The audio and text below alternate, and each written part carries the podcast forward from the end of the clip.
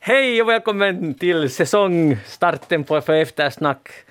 Här är vi och ska, ska diskutera veckan som gått och i studion är Jeanette Björkqvist utvilad och totalt harmonisk, eller hur? Välkommen med. Jätteharmonisk och jätteutvilad. Och jag förstår att du var sarkastisk när du sa det där. Lite, men hur kunde du veta att jag var sarkastisk? No, därför för att du var så elak med mig här förra Du, du satt här och gnällde och därför Ska vi inte börja? Nej, kan vi, vi gå vidare? Nu ska ni sluta barn. Ja. okay. Men är du utvilad? Nå no, det där, sådär ganska. För, alltså jag må, för grejen var den, att du sa i midsommar... Sa jag? Vad sa jag månne ja, då? Du sa att nu ska du den här sommaren ska du faktiskt se till att du inte gör någonting en längre tid. Och, och då i den sekunden när du sa det så tänkte jag det här ska jag komma ihåg men, och ta men, det upp i första eftersnack. Jag förstår, jag förstår, jag förstår. Men det där väntas nu, sa jag månne någon, gav jag någon tid där hur länge jag skulle vara... Så, under sommar 2021? Jo, men jag tycker att jag sa, sa jag en vecka. Jag kommer inte ihåg. Nej, titta du kommer inte ihåg. No, det var, men det kan hända, veckor. Jo, men om man räknar ihop så kan det nog hända att jag var ogjord någonting i över en vecka. Så du har lyssnat på prasslet från löven och susen från havet under, om man plockar en minut här och en minut där så får du ihop, skramlar Kanske rent fem minuter här och där. Ah, mm. Harmonisk är rätta ordet. När man ser dig så tänker jag på harmoni. Tack. Sommarharmoni. Anders Helenius är inkallad från Pargas. Välkommen med. Tack, kul att vara här igen. Komiker och... Är, komiker är ju din... No, no, ja, det är en bra titel till det här. Jag skriver också mycket, men ja, då är jag också rolig nästan alltid när jag skriver något. Ja, men hur är det i eftersnack? Är du rolig här? Nej, inte, ska jag, inte strävar jag till det. Jag försöker bara vara smart. Här. Smart. smart och kvicktänkt. Jo. Hur har din sommar varit? Den har varit smart och kvicktänkt. Den har varit riktigt bra sommar tycker jag faktiskt. Det har ju varit otroligt väder samtidigt som det har varit så bra väder att man har börjat tänka att vad, hur ska det gå om det är så här bra väder hela tiden så kommer det inte att vara hemskt bra Nej, i framtiden. Det har varit, ja, gula björkar i juli har känts lite konstigt. Ja, verkligen. Och just till exempel min favoritbjörk i Pargas, ja. några meter från vårt hus, helt gul i juli. Och, och, då börjar man ju nog undra. Jag var ute på Stenskär i, i veckoslutet och där var liksom, det var sådana ruska områden. Liksom där, det var rönnar och björkar bredvid varandra och på marken var det också brunt färdigt. Så. Det var lite skrämmande. Vi kommer att komma tillbaka till det. Okay, bra. En fråga om, om Pargas.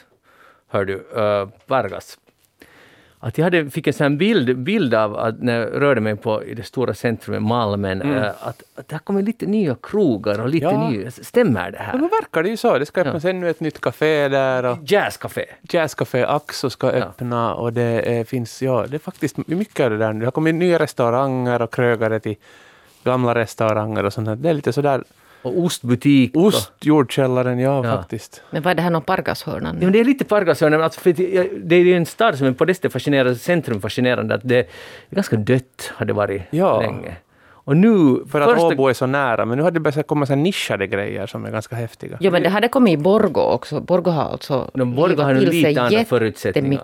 Nej, då när jag hörde var där, så då var det, där fanns ingenting och nu finns det jättemycket. Ja, men nu är Borgo en sånt ställe som man kommer ut och nischar sig lite om man vill. Ja, så är det. Så där drog jag lite nu till Östnyland också, jo, förstår ja. ni, att ni kan inte bara vara där i Pargas. Ja, men det här är, vet du, Jazzcafé i Gruvstan är någonting annat än Borgo. Verkligen, det kan jag, jag hålla med om. Ja. Och, och jag måste hylla de här jazzmänniskorna, alltså två killar, uh, som alltså mot alla odds vill starta ett jazzcafé under coronans år i Pargas. Ja, en ny restaurang öppnade väl där i hotellet i Pargas ja. också. Det är riktigt märkligt och, och häftigt samtidigt. Och det är första gången som jag, jag tycker att alltid Pargas har blivit sämre än året innan, mm. så, så länge jag minns. Ska vi, sämre, nej, men sämre i betydelsen att mindre, färre folk på gatorna, ja, ja. Någon, någonting stänger ja. och nu är det första gången det har liksom vänt så som jag nu minns Ja, det, det är säkert sant ja. Fantastiskt. Jag heter Magnus Lundén och uh, Magdalena Selin är idag tekniker och vi ska alltså snacka om veckan som gått. Kanske lite också sommaren som gått. Uh, och din stol, kan vi nu återkomma till din stol? Det kan vi verkligen. Ja. ja fråga.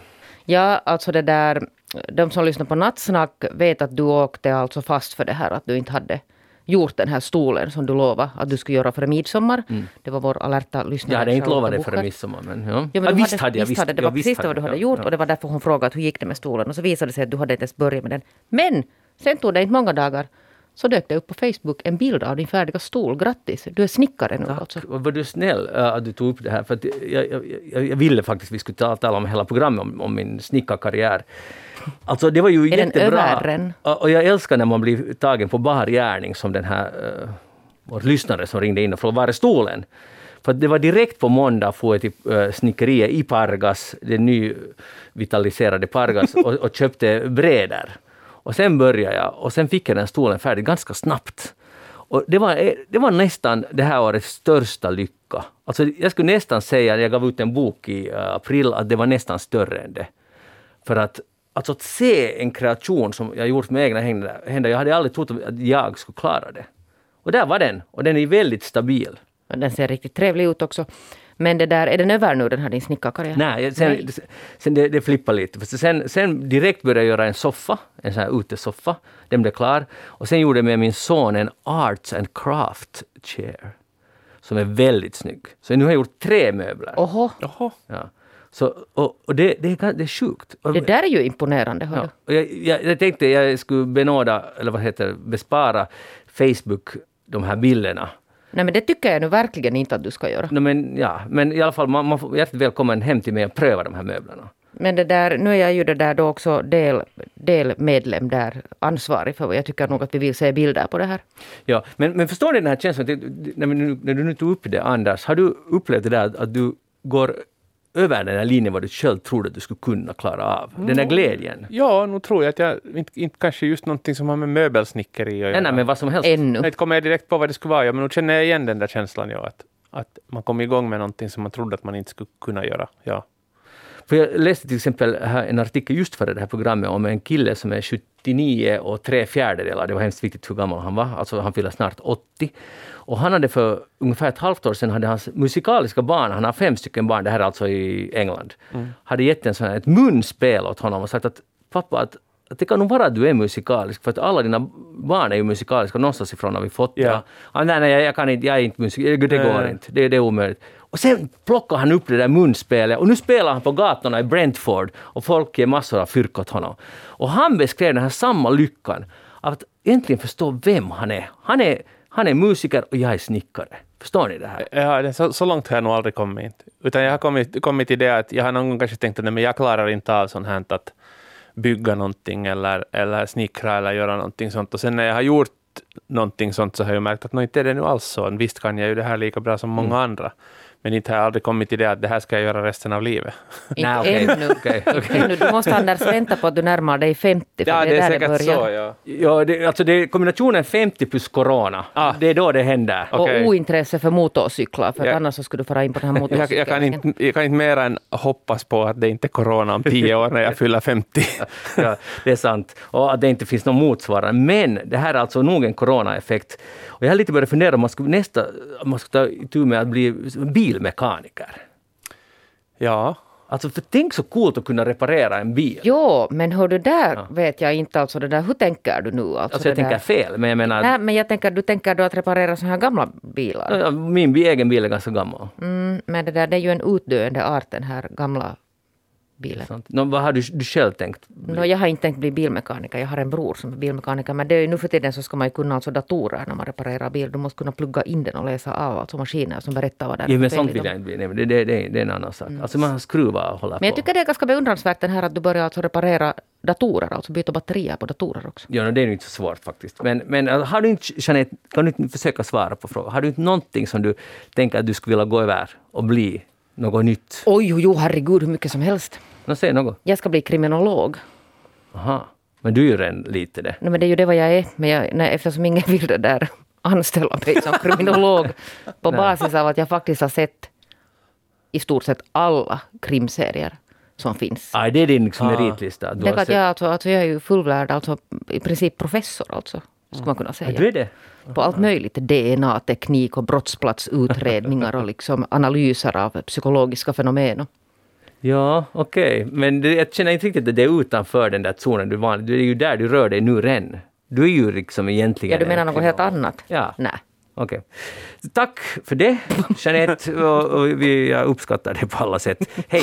Regionförvaltningsverket, det är veckans tema. Åh, sexigt. Ja, och regeringen Alltså, det var torsdag igår och eh, då plötsligt, det droppade in i allas inboxar, ska vi säga, eller så här nyhetsflash, två nyheter. Regionförvaltningsverket, eh, vi som bor i södra Finland, alltså, eller i huvudstadsregionen, så där droppade det in att nu är det slut på det roliga fram till vad det nu var, kanske tre veckor framåt. För att nu ska det inte vara tillåtet i praktiken då med kulturevenemang, om det är mer än vad det nu var, 25 människor i en, eh, ett rum eller i en sal. Det här gäller södra Finland. Ja, södra Finland, ja. Och, eh, och sen antyddes det, eller i alla fall tolkades det som, det som så, att det också skulle gälla barn och ungdoms hobbyverksamhet.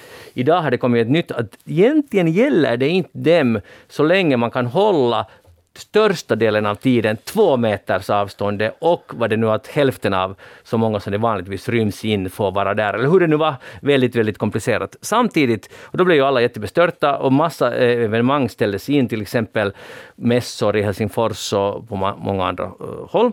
Och, men samma dag så hade regeringen sitt möte och där de kom ut och var jättenöjda och sa att nu, vi ska nog minsann slopa tvåmetersregeln så att kultur eh, branschen får det lite lättare nu i höst. Så vad är slutsatsen av det här? Vad är det som gäller? Jeanette? Eh, Anders? No, det återstår ju att se nu då att kommer regeringen att tvinga regionförvaltningsverket att bryta mot den lag som regeringen har stiftat för regionförvaltningsverket. Men nu är det ju så alltså att regionförvaltning... det ska nu bli intressant att se hur det går. Men regionförvaltnings... Heter det centralen? Eller verket? Verket. Mm. verket. Okej. Men det där, de är ju alltså, det är ju en fristående myndighet. Alltså Mm. de, man kan inte alltså idka politisk styrning på dem, det måste vi komma ihåg. Ja, nej, nej, Jo. de har följt lagen. Och de har följt lagen som regeringen har stiftat, eller riksdagen då. Och de, äh, deras chef här för södra Finland, äh, Merja Ekqvist, äh, poängterar att det har inte varit någon sorts vakuum, utan de har nog verkligen diskuterat med social och hälsoministeriet och med HUS, den här gruppen, och för den här huvudstadsregionens coronagrupp, senast på mån, var det tisdag och onsdag de diskuterade med dem.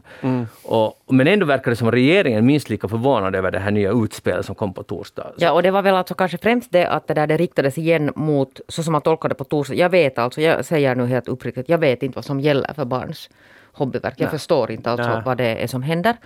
Men, men det var ju det som de var bestörta över, för de har så sent som i våras lovat att inte mera åtgärder mot barn och unga.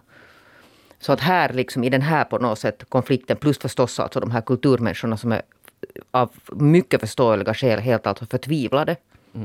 Och det är ju alltså, det är intressant att regeringen nu vänder sig mot region, regionförvaltningsverket eftersom det, de har under den här pandemin ganska ofta sagt att det är ju inte, det är ju inte vi som bestämmer det här, vilka bestämmelser som ska tas i kraft och vilka begränsningar, utan det är regionförvaltningsverket. På lokal nivå. Liksom. Ja, och nu är det liksom som att beslutsstödsprogrammet skulle vara en sån här, vad heter prästkrage, där man säger regeringen bestämmer, regeringen bestämmer inte, regeringen bestämmer. vet, det, är liksom, det, det är hemskt märkligt nu. Det är sån här sista fem kilometer på ett maratonlopp nu som borde vara liksom slutspurten och, och man borde hålla ihop och nu verkar det som att allt liksom är lite kaotiskt. Men kan det vara just det att det är det där slutspurten på maratonloppet Ja. och man är ganska trött i det skedet? Man är trött och man borde kunna fokusera och så vidare. Jag vet. Jag vet inte, den här slutspurten har ju nu sprungits. På nytt och på nytt! Ja, det är ju inte fem kilometer mera, utan det är ju liksom sådär att de har sprungit den här slutspurten Det är också sen, sant, ja. sen två kilometer. Det blev sån här ultradistans Ja. 100 kiloslopp istället. Ja, Det de har ju flyttar varit- det det där fem vara- kilometer, sista fem kilometers. Jo, det och det är och flyttar hela och tiden. Ja. Sånt tycker man inte om som maratonlöpare. Nej, att någon går och flyttar Ja. på 40, alltså 38-skylten hela För tiden. det, skulle vara, för det skulle vara över alltså, det skulle vara över någon gång och så skulle det vara över någon gång så skulle det vara över i maj och så skulle det vara över alltså efter sommaren och så skulle det vara nu vet jag inte när det ska vara Oktober över är men det det senaste överdatumet. Jo, men jag förstår alltså jättebra till exempel teatrar som hade alltså på något sätt, de hade alltså på basis av det som talades i våras så hade man alltså planerat, eller planerat förhoppningsvis fortfarande för alltså sån här fin start på äntligen alltså på säsongen. Och nu är alla helt att, att vad är det som gäller? Hur ska vi göra det här? Ja, men nu, nu kan vi väl säga det ärligt, alltså att extremt svagt ledarskap. Alltså, och otydligt, otydlig kommunikation och, och ett misslyckande här på så kallade, som vi sa, slutspurten. Jag tycker att, och det här måste utredas om inte, man kunde inte utreda det i förväg och varför snackar de inte med varandra?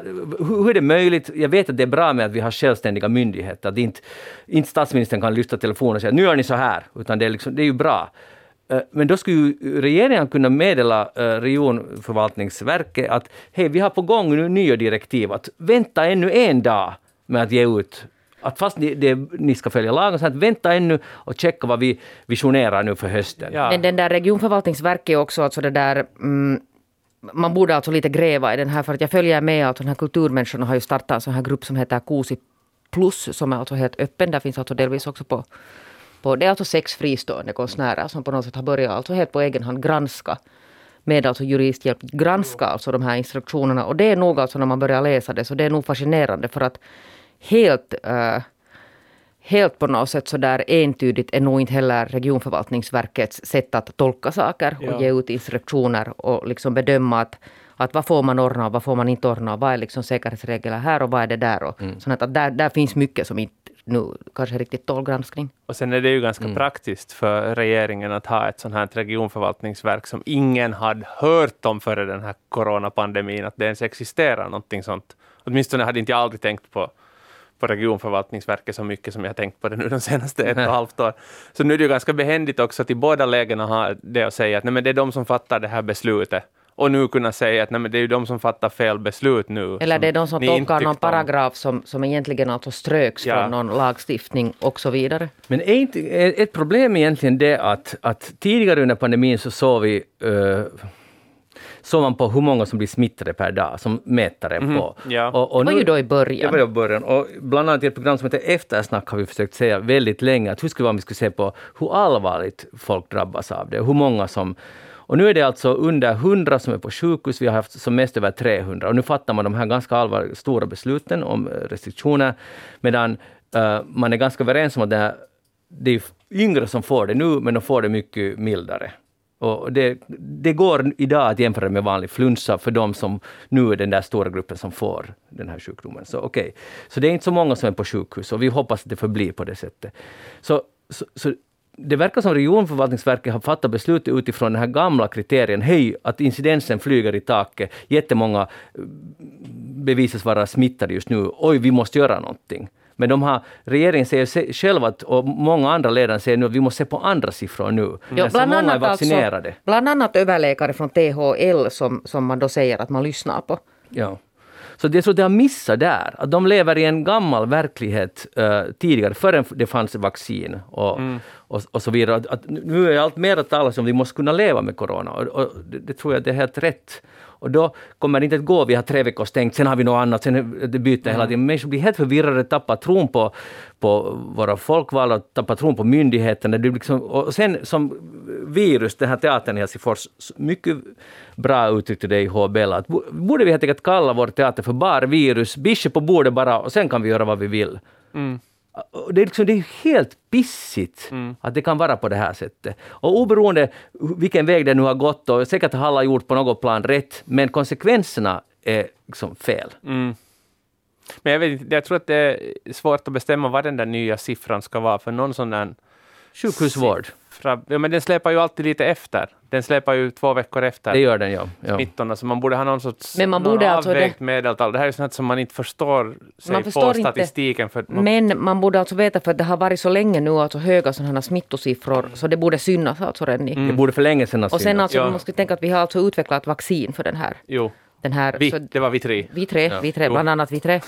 Men så det betyder att man känner alltså till, vi vet så jättemycket mera om den här ja, viruset än vad vi visste alltså då för ett drygt år sedan. Ja. Och det på något sätt glömmer man bort. Ja. Och, och det skulle vara så, och, och, det måste ju vara så att ju när, hur många var det nu som var vaccinerade här? 68 procent har fått en dos, 40 procent två doser. Det, det, här borde ju redan påverka och det har ju helt tydligt påverkat eftersom mm. så pass få är på sjukhus. Så. Och det, det, påverkar ju åt andra hållet också. Jag menar, det, det är stor chans att det verkliga smittotalet idag, vad det nu var, 900 någonting, ja.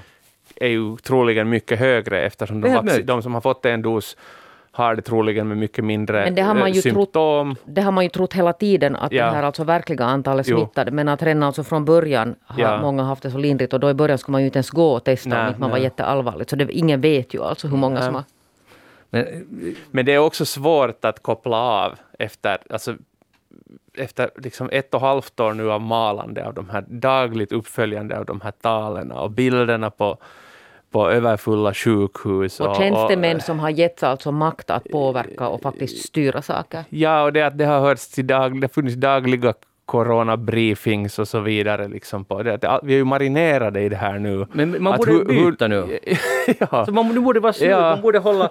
Och journalistiken borde också gå lite på paus. Och liksom hej, för fortfarande, fast det har sagts det här att det här är viktigt nu, hur många är allvarligt sjuka och hur många är bara så att säga är hemma och ja. väntar ut sin flunsa. Så, så det här borde också journalistiken gå ut med nu, för nu fortfarande att ännu mera smittade än tidigare. Ja. Liksom den här paniken, den lugnar sig inte innan vi alla lugnar oss, men också journalistiken lugnar sig. Alltså det, det, journalistiken har ganska stort ansvar ja. där. Men till allt kan vi inte kontrollera den. Nej, vi har ingenting med det att göra. Nej. Men, men kanske regionförvaltningsverket skulle kunna kontrollera. De skulle kanske kunna, ja. Eller? Ge någon ukas till journalistiken. Ja. Men uh, okej, okay, uh, men jag vill igen testa min gamla tes. Att jag, jag skulle säga att det är nu dags att, att den här så kallade kulturvänliga och liberala regeringen, där, du sit, där det sitter Vänsterförbundet och Gröna och sossarna och SFP och Centern, att, att börja ifrågasätta den riktigt, riktigt, riktigt på allvar. Men problemet är att det är samma deras väljare som nu lider, alltså om vi talar om kultur, för mm. många andra lider också. Men jag menar att jag tror inte det här ska hålla ihop om det ska vara en sann finländsk regering som ska fatta de här besluten. Det, det är vad jag tror. Och det här är en grym paradox. Det här liberala gänget och där är makthavarna i samma gäng. Och hur ska man reagera då? Jag vet inte hur, hur mycket det kan hittills ha påverkat. Nu är ju säkert största delen av Socialdemokraternas röstare dubbelvaccinerade redan mm. i och med att de hör till en, en lite äldre åldersgrupp ganska långt. Så jag tror att det kan ju vara en orsak också att man har måste pressa ner det här talet och man har måste vara väldigt orolig på grund av att röstarna också är oroliga och rädda. Mm. Så därför har man ju också måste liksom driva på det att vi sköter om folk och vi är rädda för er hälsa. Därför måste vi hålla ner de här smittotalen. Men om man kommer ihåg att initialt var det alltså var det den här på något sätt den här talkoarbetet att nu ska vi skydda de utsatta. Ja. Nu ska vi skydda de som alltså på riktigt alltså riskerar ja, precis, ja. insjukna allvarligt. Och den situationen är ju förbi för länge sedan. Mm. Alltså på det sättet, nu är ju riskgrupper och äldre alltså vaccinerade sedan länge. Jo. Men, men sen på något sätt försvann den här orsaken, fuff. Och så blev det någonting och nu vet jag inte liksom riktigt, jag, jag vet inte alltså vad är motivet i allt det här. Som en annan komiker, André Wikström, twittrar tror jag idag, att hur skulle det vara om vi, hejsan regeringen, hur skulle, vara, hur skulle det vara om vi den här hösten testar att att vi avbokar allt förutom kulturevenemang och barnens hobbyverksamhet. att när vi har testat på allt annat, nu gör vi ja, tvärtom. Ja. Att ett gott råd, egentligen en ganska bra idé. Att då skulle vi se hur det skulle... Ja, hur skulle, det, skulle det på riktigt smitta på teatern? Ja, och, och, och, skulle världen gå under här, Finland? Liksom, det tror jag ju inte, men nåja. Uh, många frågor. Det där är en annan diskussion som gått het den här veckan är att ganska snabbt och plötsligt kom det in att nu ska barn vaccineras 12-15-åringar också. Och det goda är ju förstås att det här är effektivt kött och det blir snabbt gjort. Och man måste liksom lyfta på hatten hur Finland kan, när Finland vill, vill ordna saker. Liksom att rent praktiskt arrangera saker.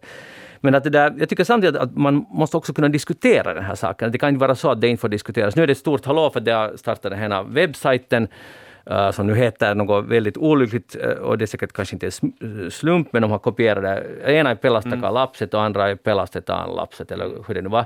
Och det har de själv medgivit att det var verkligen en miss och det var det helt fel att ge ett sådant namn. Men, men att jag kan inte riktigt förstå uh, vreden över att det finns en webbplats. Alltså för att jag tycker att det måste finnas... Vi har yttrandefrihet. Det, och, och jag tycker att man kan diskutera, istället ska man bemöta, om det är fel argument, fel fakta, bemöt det istället för att uh, bli upprörd och liksom jätteförvånad över att det finns en sån här sajt. Uh, men tycker ni att jag tänker fel? No, då det ledde till att det, jag vet inte om det är just den här sajten som har lett till det, men att någon, tre, som vi hörde i nyheten, att tre typer har gått och trakasserat och trängt sig in i skolan för att försöka stoppa eller förhindra den här vaccineringen. Så jo, det är ju helt gått vansinne. på tok för långt. Jo, jo det, det är vansinnigt. Men, det, men samtidigt ändå som har vi tryckfrihet. Jo, absolut. Att, att, att, jag, jag tycker bara att nu får man diskutera, för tidigare hette det så att vi ska inte vaccinera 12 till 15-åringar.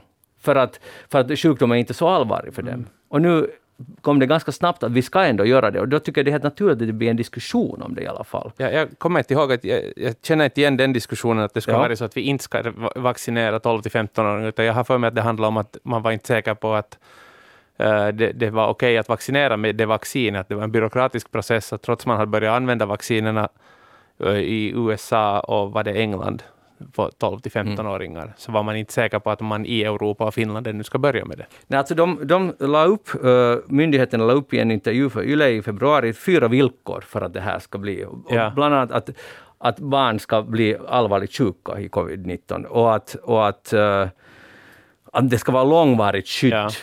Uh, vilket det inte är. Och, och, fyra olika villkor och man kan diskutera.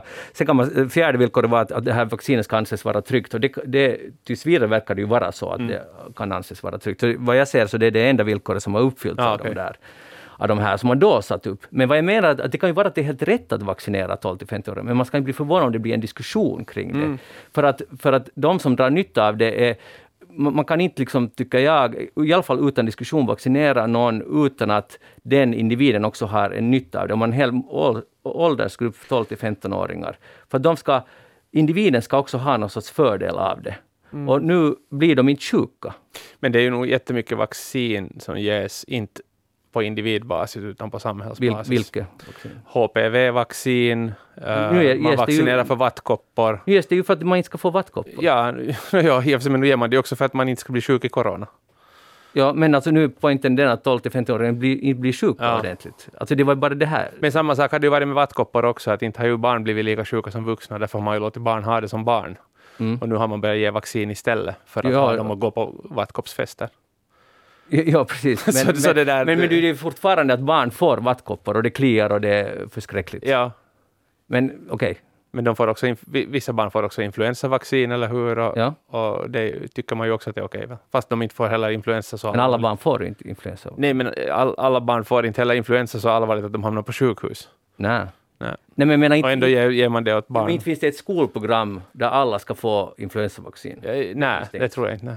Men att det där, men okej, här är, och det, är det, det är bara bra att vi har olika åsikter. Mm. Det här är en superintressant diskussion och det är det jag menar, att, att man måste kunna diskutera den här Mm. frågan. Uh, om man ska bli förvånad över. Men när det kom till vår skola kom det så här med, meddelande från staden där det står så här. Coronavaccineringen tas upp med eleverna i förskott ur vetenskaplig synvinkel. Diskussionen ska basera sig på vetenskaplig grund. Och det här tycker jag är superintressant, att man säger i förväg åt 12-åringar att ni ska sen diskutera enbart med vetenskaplig grund. Och staden skickar ut ett sånt här meddelande. ja. Och här börjar jag fundera, vänta nu, var det inte så att grundskolan ska fostra till kritiska medborgare? Eh, Att allt ska ju kunna ifrågasättas? På vetenskapliga grunder då. Ja, men vilka, på vilka grund som helst. Nu Ja, måste man ju få tycka... Ja. Jag skulle nog vilja se den 12 till 15-åring som kan prata om, om MPR-vaccin. På, vad ve- heter det? på mRNA-vaccin på vetenskapliga grunder. ja, men så det är inte viktigt. Men att... Ja. jag, jag, och jag tror inte att det finns många lärare som klarar av det heller faktiskt. Men tänk den här situationen att vi har att vi, det är faktiskt 2021 och de säger att så här ska vi sen diskutera om den här saken. Att endast på vetenskaplig grund. Man får, får en elev till exempel inte säga att jag är rädd för covid-19, för det är ju en känsla. Eller en, eller en annan säger att jag är rädd för att bli, ta vaccin, vaccinet. Jag är rädd, jag är orolig. Jag är orolig för sjukdomen, jag är orolig för att mamma ska bli sjuk. Att allt det här är känslor. Får, får de inte då diskutera det, säga så här? Ja, jag vet inte. Jag, jag har inte skickat det där mejlet åt dig. Men du, nej, det är du som har skickat det. Nej, det är det ju nog inte. Det där. Men det där, är- det där jag, tycker, jag hälsar till alla 12 till 15-åringar som har fått det här att, att strunta i de här reglerna och prata precis hur ni vill om ni vill prata om det här Ja. på skolan. Ja, absolut. Och, Det är helt bara dumheter det där. det kommer nog att allas åsikter ska respekteras och ingen får bli utanför och så vidare. Och Det, det kommer att- Gällande allt annat då utom det där vaccinet. nej, nej, det stod nog om, om just om det här. Men sen, att, det här är också en intressant sak, att en, en yrkesutbildad inom hälso och sjukvården bedömer om eleven med hänsyn till hens ålder och utvecklingsnivå kan fatta beslut om sin vaccination. Alltså, det, det är också intressant att någon, det finns en person, det är inte föräldrarna som avgör, utan en person, oklart vem, som avgör är hen mogen eller inte att fatta beslutet själv. Det, det tycker jag också är superintressant. Att det här kom också bara som ett meddelande. Alltså en gång till det där. Att, En yrkesutbildad inom hälso och sjukvården bedömer om eleven med hänsyn till hens ålder och utvecklingsnivå kan fatta beslut om sin vaccination. Alltså det där, är det inte så att till exempel inom sådana här vårdnadsfrågor så tror jag att det är så att det är helt i lagen skrivet att tolvåringar ska höras. Tolvåringar mm. alltså anses enligt lagen vara mogna nog. Utan någon alltså utomstående bedömning så hör man tolvåringar. Men nu ska det bedömas. Och jag, jag blir bara lite så här, att vänta nu, hur proffsiga är de, de här bedömarna? Alltså säkert är de proffsiga. Nu är de säkert mer proffsiga än de flesta föräldrar. det är också möjligt. I och med att de flesta inte är utbildade läkare och hälsovårdare. Men nu har du ju helt fel. Jo, men nu handlar det inte Facebook. om det. Ja. men Anders, nu handlar det inte om, om huruvida vi ska ge vaccin eller inte, utan, utan om, om barnet själv kan avgöra att ska jag ta vaccin eller inte. Ah, okay. Och då ska någon göra någon sorts bedömning att är hen mogen att fatta det här beslutet mm. själv. Är lilla Anders 12 nu tillräckligt liksom klok och vetenskaplig för att säga att inte vill jag ha det där vaccinet. Jag var så gammal när jag var 12 att jag skulle ha varit mogen att ta emot vad som helst säkert. men, Enligt mig själv men det måste vara alltså fråga också att om du inte vill ta emot mm. Så, ja, jag förstår. Ja, men, det är ju det. det är frågan, är man då tillräckligt mogen? Är det omoget att vara emot? Alltså, men ni måste ni förstå, ja exakt, alltså, det, är ju, det är ju inte en fråga att om man är redo att ta det så då är ju allt okej, men om man inte vill ta det så det är då man blir alltså ifrågasatt. Ja, jag, jag vet inte. Jag men det är ju så det är. Ja, det är ju helt uppenbart. Antagligen är det så. Men samtidigt är det ju massa föräldrar som, och jag vet, uh, det var många som har varit redan nu och vaccinerat, snabbt gick till de här allmänna, och det tycker jag det är ju jättebra, att man går, jag vill ta det här vaccinet, och så går man och tar det med sitt barn. Det är liksom och det, det är den där fria viljan, det är det här bara uh, det här sättet som, jag, som kom ganska plötsligt och i alla skolor ska vara med, som jag lite undrar att gå, håller det liksom en granskning? Det, det var nu bara det. Mm. Jag kan inte svara på den där frågan. Nej, inte, inte kan jag heller. Men man, man granskar det. Gran, ja, granska måste man ju. Och, och diskussion, för det, min poäng är också det att, att man kan inte vara när det gäller att, att fostras till kritiska medborgare, så det kan inte bara vara så att vi ska alla tycka illa om Donald Trump, eller vi ska vara mot nazism och, och vi ska vara kritiska Vi måste kunna ifrågasätta också det som verkar helt självklart, att jo, vaccin är bra uh, för barn. Då måste man kunna fråga, vänta, är ni säkra? Jaha, ni är säkra, okej, okay, mm. bra. Mm. man måste kunna ställa frågan. Mm. Förstår ni vad jag menar? Ja, jag förstår precis vad du menar. Jeanette Björkqvist, vad har du tänkt på den här veckan? Alltså tyvärr lite sådär coronarelaterat också, men, men egentligen alltså bara som ett sidospår, en sidospår till ett jobb jag håller på att göra. Jag har alltså jobbat på ett sånt spotlight som handlar om djur. Och där som ett sidospår, en sidospår, hade kommit upp det här med coronadjur. Alltså att, att då när den här coronan kom och människor blev hemma och sitta och kände sig ensamma och olyckliga och så började man köpa djur åt sig. Jättemycket hundar köpte man. Jätte, mm. Jättemycket. Ja. Och sen får prisen for alltså upp i, i skyarna och, och vanliga blandrashundar kostar nu tydligen alltså lika mycket som rashundar. Och långa köer och sånt här. Alltså, människor som egentligen inte vet alltså någonting om, om, om varken hundar eller djur så skaffa sig alltså. Och det har, det har skrivits här längs med alltså om sådana de kallas coronahundar. Som väl är lite sådär jämförbart med då när jag var liten och läste Kalle Anka så varnade man för att ta sommarkatt. Mm. Att ta inte en sommarkatt och sommarkatten var alltså en sån här kattunge som man tog, inte man utan några idioter. Och sen alltså när, när sommaren var förbi så bara lämnar man den i skogen.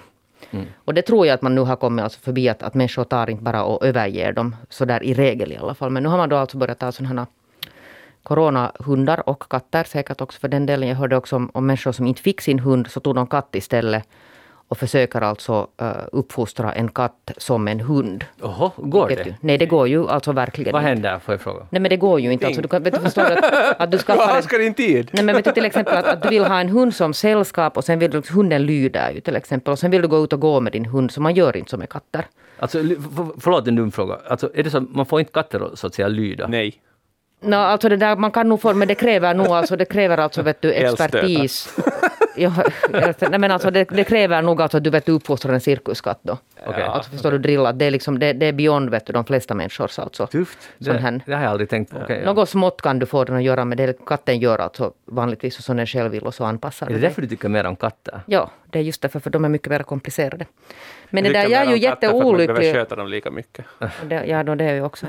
Men det här är ju alltså en jätteolycklig grej för att, för att det är tydligen då redan så att det har börjat komma alltså till, till sådana hittedjurshus så, så är människor här så att men inte var den här hunden liksom att, att det var ju jättejobbigt att den kräver alltså massa, massa tid och massa engagemang. Och sen dessutom nu när de här, till viss del i alla fall, distansjobbet börjar liksom gå mot sitt slut så läser jag i huset som att det, där, det är inte bara det att, att, det där, att folk som inte har någon aning om hur man ska göra med de här. Men sen när de här djuren har varit hemma med sina ägare, alltså sådär 24-7 nu då, ett år drygt. Och sen plötsligt, pam, så far ägaren försvinner alltså på dagen och börjar gå på jobb. Så det lär alltså orsaka jättemycket stress och problem sen hos de här djuren som aldrig har varit ensamma i hela sitt liv. Anders, vad ska vi göra? Vad ska vi göra? Mm, och det här. Inte kan vi göra någonting. Vi- måste fortsätta med distansjobbet tills hundarna har dött bort. Det är nog lite ungefär så som det är den där. Eller sen alltså sån här... Det är det som regeringen vill med de här nya restriktionerna. Ja. Det är för hundarnas väl. Ja men alltså om man hör alltså, man bor på något ställe och hör att det plötsligt alltså börjar en hund yla, för det lär alltså bli riktigt stora problem alltså med de här, Ah. de här hundarna som, som, aldrig det där har varit plötsligt- ensamma. Som inte alltså har varit ensamma. Det är inte alltså inte det är hundens fel. Nej. Utan det där, inte förstår de ju vad det är som händer. Att du har suttit med husse eller matte hemma i... Jag läste nog någon av de här nyheterna just om att det finns nu att folk skaffade hund och hade inte riktigt full koll på vad det innebär helt enkelt. Nej. Och det var den här corona, lite så här som att bli snickare, att hej vi skaffar hund. Alltså allt möjligt gott har ju faktiskt hänt också. Men det här är ju inte så gott då. Eh, det var gott först. Men Ja, var är det nu sen- att ha hund säkert. Jo, men alltså nu är det så att, att, att det här alltså ta ett djur så det är liksom alltid, och det måste alltid vara ett större beslut än att vad är mitt alltså behov just precis nu? Ja, ja. Mitt eget behov. För det är liksom levande varelser vi talar om. Och det är minst tio års avtal. Ja, med hund minst 10 år, alltså med katt i bästa fall 20. I bästa fall. Tror ni att det är så att människor inte förstår det här? Jo, alltså det här säger nu alla experter. Här i huset är hundtränare Riley Halme äh, intervjuad och hon är en av många som säger att det är just exakt så. Att människor förstår inte. Man har tagit det så där för att oj vitsi, det här är ju tråkigt att sitta hemma. Det är ganska hemskt om det är så. Alltså jag menar, hur kan människor inte tänka så långt? Nej men det här är ju det är den där sommarkatten. Att det är trevligt att ha en katt på sommaren men orkar man med den sen mer på hösten. Inte bra. Nej, det är jättedåligt. Redan det här är en orsak till att vi skulle borde få Och sen komma alltså, vidare från corona nu jo, och sen kommer jag att återkomma till det här handel och sånt här. Det gör Vad menar du med handel? Alltså att sälja hundar? Ja, nej, alltså det där ju, katthandel kanske. Ah. Det kommer först i september när mitt program kommer ut. Har du, gör du ett program om katter? Mm. Jaha. Tufft. Vi återkommer om det. Det är lite överraskad för du, du, brukar, du har ju aldrig gjort om djur förut. Nej, tyvärr. Jag har skrivit faktiskt nog lite i tiden på huset så har jag granskat lite djurskydds... Ja, är det är- en krimserie om djur? Ja, det skulle det sen kanske nästa projekt. Mördarkatten i stövlarna. Det här blir bra Det är Jeanette. fiktivt, den får du skriva. Anders Helenius, vad har du tänkt på den här veckan? Jag har tänkt på, eller kanske under sommaren funderat ganska mycket på sån här, jag är ganska medelklass. Aha. Ah, ja. Eh, Vad, Men det- innebär det i ditt fall? Medelklass. Ja. No, medelinkomst Mm. Och, och så här. Medeljappe? Medeljappe, ja. Ja. Två bilar. eh, Volkswagen båda. Vet du, så här, det är ingen lyx och inget, men inte heller någon, någon misär. Något väldigt perus. Och jag, jag liksom, eh, funderar mycket på, på vad man liksom... Så jag, tänk, jag kallar det medelklass hipster-grejer. För vi, vi, när vi tänker på hipsters så tänker vi på sådana som går på flow i, och bor i innerstan i Helsingfors Eller Berghäll. eller Berghelm. Men jag har insett att en stor del är sån här, som, lite som jag, sån här medelklass hipsters. Ah, du vill vara hipster, okej? Ja, men, men det är med sådana prylar och sånt. Du, som till exempel, jag har en, en, eh, en kolstål stekpanna. Vad har du för En kolstål. Den är, den är gjord av Hiiliteräs. Kolstål heter det. Och det är alltså en stekpanna, den kostar, den kostar bara 40 euro, eller Inte så 30 euro, så det är ingen skrytstekpanna i sig. Men det, det ingår ett sånt moment att man ska bränna in den. Man ska olja in den och så ska man bränna den så att den får en sån glatt yta. Varje gång eller en gång? No, ser du, det är ju här som det här liksom hipsterismen kommer in. Ja. Och det här är det som jag tror att är den här medelklass-hipstern. Ja. Är, är sånt, du ska inte skryta med att du har liksom, eh, mycket pengar, för du, du, du måste jobba helt sjukt mycket för att få så mycket pengar att du skulle komma liksom till nästa nivå. Men sen är du ändå ganska trygg att du kommer inte att falla ner till nästa nivå heller, eller på lägre nivå. Så du har, du har liksom, det enda du kan skryta med är just någon sån här kolstålpanna. Men att du har, kan jättemycket detaljer om kolstål eller, eller Ja. ljus, ljusrostat kaffe eller Ja. någonting sånt. ja. Så det är det som man ska brassa med. Så den där kolstålpannan ska man då man ska, man ska kunna köpa en, en eh, teflonpanna, men man ska ha en kolstålpanna som man ska gnida in med olja och tvätta bara med vatten efter varje gång man har. Och efter ska man, efteråt ska man ännu bränna in ett lager olja i den. Men är det här nu så att den här medelklass-hipstern finns eller är det här din egen kreation i ditt eget lilla huvud? Det är mitt eget, den finns nog, för det finns andra också som håller på med sånt det här. Kallar sig hipster. Magnus har någonting annat och du har någonting Men annat. jag är inte alltså, jag kan inte på bästa... Du är inte det, för du vet inte om det, för du tror att det är Nej. de där andra som är Nej, hipsters, utan men i jag själva tänker, nej, nej, är nej, du nej, men hipster är ju alltså till exempel helt åldersrelaterat. Att jag kan inte vara en hipster, jag är helt enkelt för gammal och Magnus är ännu äldre.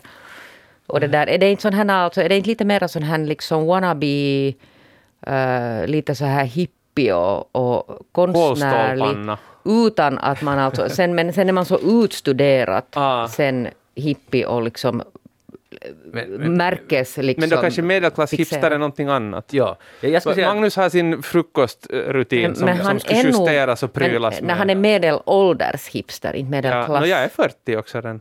Ja, alltså, Nå, då är han gammal. Jag vill, jag vill verkligen stödja Anders i det här, för att man märker det och det blir allt, det sprider sig som en löpeld. Alla har sin lilla, lilla nisch där de är experter och Ja. bäst. Och just det här, det må sen vara stekpanna eller frukost eller vad som helst, men det ska vara väldigt utstuderat och det ska alltid vara det bästa. Ja. Att, att det här är liksom... Att Det ska inte vara det dyraste. Nej, nej, nej, nej. Nej. Men, men, men nu får det gärna vara lite dyrt, men, Ja. men, men det ska vara förbannat bra och helst ska inte andra... Så hem, för många andra har upptäckt det här Ja. ännu. Man måste vara lite före alla andra. Kan det här vara manlig medelålders hipsterism?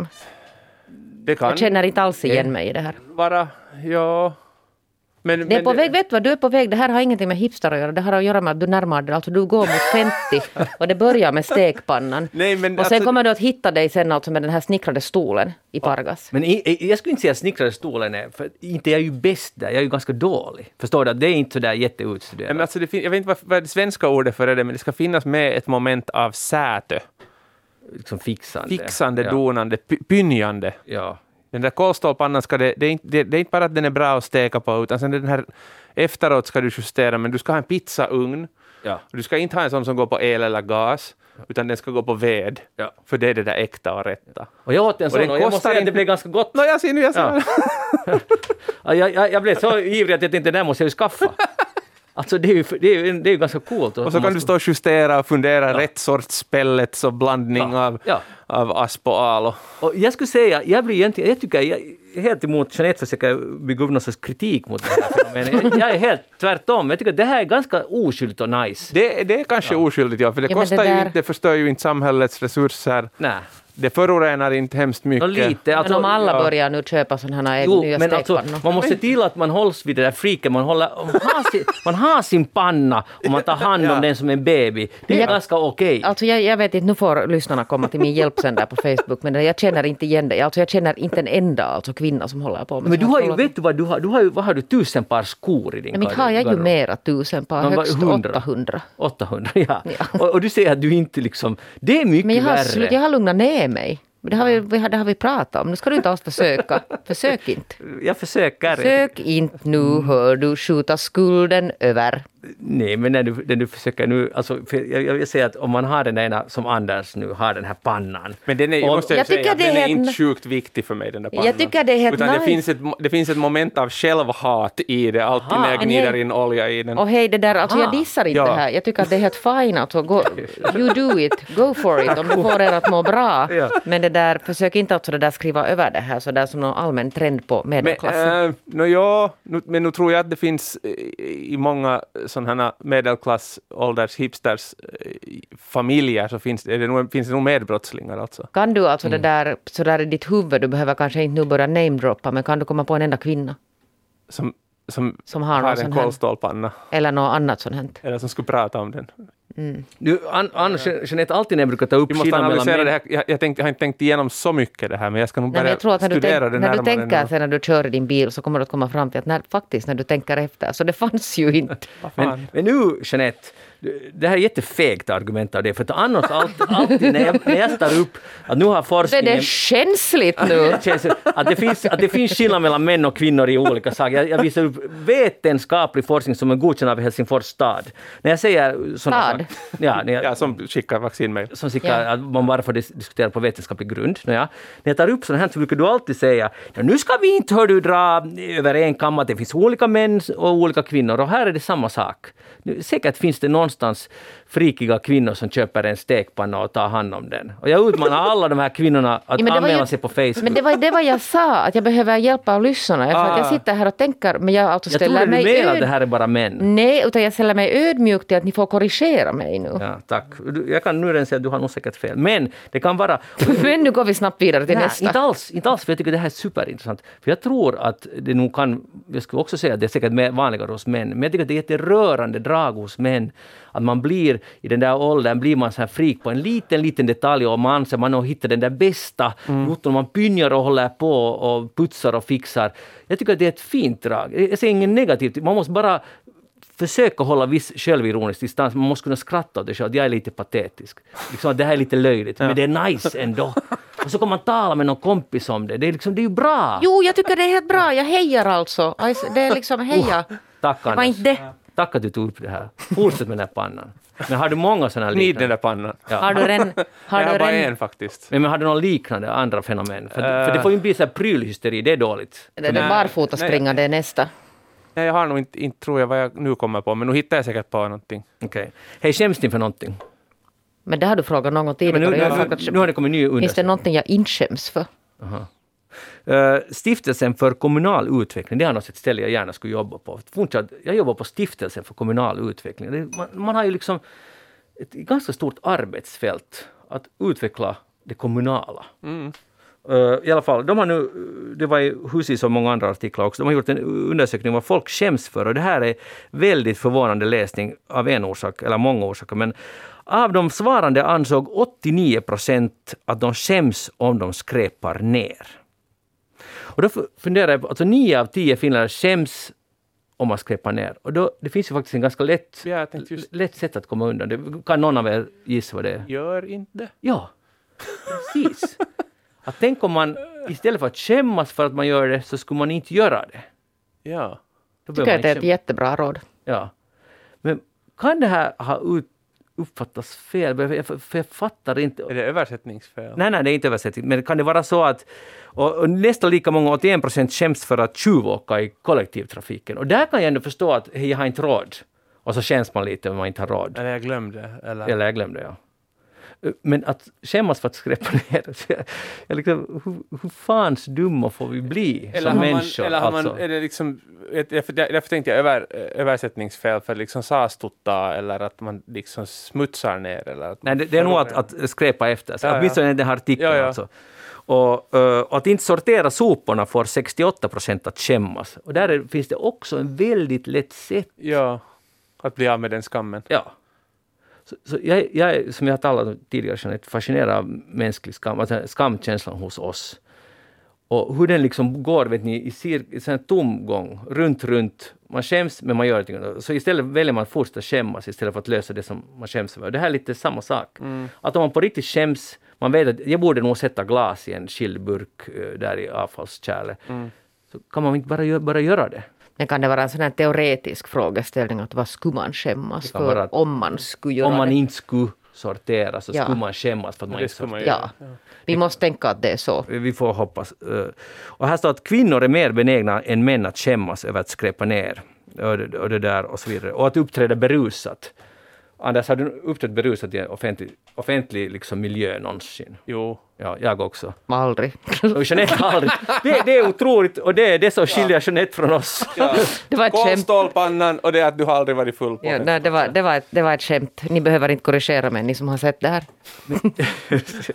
Jag erkänner Det villigt. finns många som nu redan skrivit in på Facebook. It Det has happened. It has happened. Men har du skämmats då efteråt? Nå, det där det beror lite på när och hur och med vem och med vilka konsekvenser. Precis, hur allvarliga konsekvenser. Men det, där, kan, där kan jag säga, jag jag är annars mot skammen, att nu, där har jag nog känt någon gång lite, Det- det- lite pinsamt. Det kallas på god finlandssvenska morkis. Morkis, ja. Nu har man ju haft morkis. Ja, och det går ju inte att korrigera efteråt. Men Nej, man lär sig någonting till nästa gång kanske. Gör man det? Kanske. Ja, nog, Eller tror jag. har sen gjort det i alla fall. Ja, nu har jag också. Ja. Jeanette, men alla. Alla blickar går till Jeanette. Nu det där ska vi gå vidare då. Vi går, vi, vi, vi går. Vi måste eh, ta hand om dig. Hej, uh, Renny Harlin, säger det er någonting? Ja, det Ja. gör det ju. ja, alltså filmregissören och så Ja. vidare. Och jag- Luokkakokous kolme. Ja, precis. precis. Och jag stod i Ekenäs faktiskt och tittade på den här. Där, de har ju en fin biograf där och jag hade två timmar led med min fru och sen föreslog jag att vi gick inte, men jag föreslog att ska vi gå på det där? Och så tittade vi på den där filmaffischen och så bestämde jag att det här är den sista filmen jag skulle... Alltså bara vet ni att ibland ser man en poster film på, att det här kan jag inte gå på. Och det här var en sån film. Jag såg att den här humorn måste vara så otroligt dålig, fast jag inte sett den här filmen. Har någon av er sett den? Nej. Nej. Ja, men det här handlar inte alls om Rennie Harlin, men i alla fall, eller det handlar, handlar inte om den filmen, utan eh, jag har alltid jag var lite intresserad av Rennie Harlin ända sedan han gjorde den här Born American-filmen någon gång 1985, som var egentligen den sämsta film jag tror jag har sett någonsin. Eh, och den blev ju sen censurerad i Finland för att den var Sovjet, uh, antisovjetisk. Och det var den, eh, men på ett helt liksom, extremt barnsligt sätt. Men han fick lite namn om sig. Och, och, och sen har han gjort några hitsfilmer, uh, Anders, vad heter? Cliffhanger, Cliffhanger Die och- Hard 2. och den där Elm Street. Ja. Ja. Och någon av dem har sett och det var, det var riktigt bra och så vidare. Men nu har jag ändå läst en intervju i Seura med honom. Den är skriven så här i jag-form. Och, och, och han, det är helt intressant för att han det där som fyraåring, han växte upp då, eller han, som barn i Riihimäki och sen hamnade han, han fick lunginflammation. Och så hamnade han in på sjukhus. Och, och, och på den tiden fick tydligen inte föräldrar vara där och, och hålla handen, utan han, han måste nu bara där, vara där. Och han var länge tydligen där. Och, och han fick alltså ett jättesvårt förhållande till sin mor efter det. Ett svår, det betyder att han alltid saknade och var orolig för att mamma skulle sticka eller något sånt här. Och så säger han i intervjun, vilket bara så här, nästan hjärtkärande, att allt han har gjort efter det, och speciellt också som, som karriär som regissör, har varit för att mamma ska vara nöjd. Och plötsligt när jag läser det här så börjar jag... Alltså, Rennie Harlin blev en människa och inte bara, den här som gör halvbra filmer eller dåliga som jag tyckte. Plötsligt fick Rennie Harlin en helt annan liksom, profil för mig. Och, och då då började jag betänka att det är lite som sommarprat. Att lyssna på sommarprat på någon som man inte känner till eller har någon fördom för, så det kan byta helt ens bild av den här människan. För man kan ju inte träffa alla människor. Jag kommer aldrig att träffa Rennie Harlin. Och det kan vara att han fortfarande är en... Inte vet jag hurdan han är. Förstår ni vad jag menar? Ja, jag förstår. Jag tycker att det där är en jättebra alltså, lärdom för livet. Man ska aldrig alltså det där på basis av, av sådana ytliga kunskaper utan att du vet aldrig alltså allt om en människa. Det är samma att det kan se alltså jättelyckligt och polerat och fint ut i offentligheten. Du kan aldrig veta vad det döljer sig för sorger alltså. Nej. Och, och jag tycker också det är ganska strångt av honom. han har annars hittat kärleken om ni inte visste, han har gift om sig eller whatever. Och det där, eh, och bor i Bulgarien. Och han har gift sig då med Johanna. Eh, men i alla fall, tänk att det är så. Att, eh, att vad jag menar, det, det är starkt att kunna säga i en intervju till hela Finlands folk att jag har gjort allt för min mamma. Så att när han, när han liksom uh, regisserar Bruce Willis som, som kastar en tändare i kerosinspåret som tänder eld på flygplanet som exploderar i slutet på Die Hard 2 och säger yippee motherfucker. Så då tänkte han på sin mamma. Nu är det rörande. Nu är det rörande och man börjar gråta. Vad Ja, det ja. Att sådär hårda män, att de är mjuka inuti. Yippee motherfucker. Mamma, det här är till dig. Och, och, och då alltså the bad guys. Jo, det, pff, planet. Planet dit Det, alltså det eh, flög upp längs, alltså det tände eld på, det, han hade först öppnat eh, bensinkranen för de hade en kran under vingen som man bara öppnar så Man öppnar bensinen rinner ut. Eller kerosinen rinner Alltså ut. fan låg han genom Så luften. fall låg han genom luften och tände eld på planet. På boom. Jag vet vad jag gör ikväll. Die Hard 2. Ja, där hade två och så tänker jag på Rennie Harlins mamma. Ja. Och, och, och förstår jag hur stor det är med moders kärlek. Det är bra. Hej, är ni bra att dansa? Ja, Du är? jag är nog det. Nu kan du visa. Alltså, det där tycker jag om. Alltså det där diggar jag. Att någon säger, bra. jag är bra att dansa. Alltså jag är, jag är för, för, med tanke på hur lite jag har dansat och fått utbildning i ämnet så är jag ganska bra skulle jag säga. Vad är din specialitet? Inte, inte vet jag, jag, jag, bara liksom att jag har breda stora höfter och sen när man sätter dem i rörelse så, Så händer det grejer. ja. Men det där-? Jeanette, jag Men, fråga vil, dig. men vilken slags dans tänker du på då? Va- va- Vad som helst. Ja, vad som helst. Jag, Jag har ju dansat helt sådär jätte, alltså aktivt. Har du? Nej, jo. Så det är Men bara det är jag ju- som är dålig att dansa Men här? det är ju ett tag sedan. Alltså jag kan inte pardansa, jag är helt värdelös på. Okej, men så där, det kommer någon musik som du tycker om och så går du ut på dansgolvet? Beroende på vilket humör jag är på. Nåja. Jag är ganska noga med det där. Anders, har någon någonsin sagt åt dig att oj Anders, du är bra att dansa? Nej, jag tror faktiskt inte. Det är, det är mest du min, själv. min egen konstruktion, ja. Okej. För att jag, jag har alltså... Jag har när- ingen skam i att dansa. Nej, bra. Det är bra. Det är bra. För, för att jag jag har tänkt på det här, försöker, man försöker hitta goda sidor av corona. Alltså att, att, inte av coronan, utan av bieffekterna av det. Och det finns ju en del.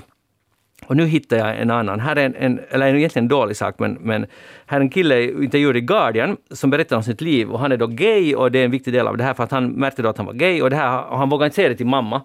Det är igen mamman kommer fram här. Och eh, han, sen gjorde han en gång ett nyårslöfte att det här året ska jag berätta och han klarade inte av det förrän på nyårsafton, alltså ett år senare. Så berättade han att mamma, och det var ju förstås helt okej. Och sen efter det började han gå på gaykrog.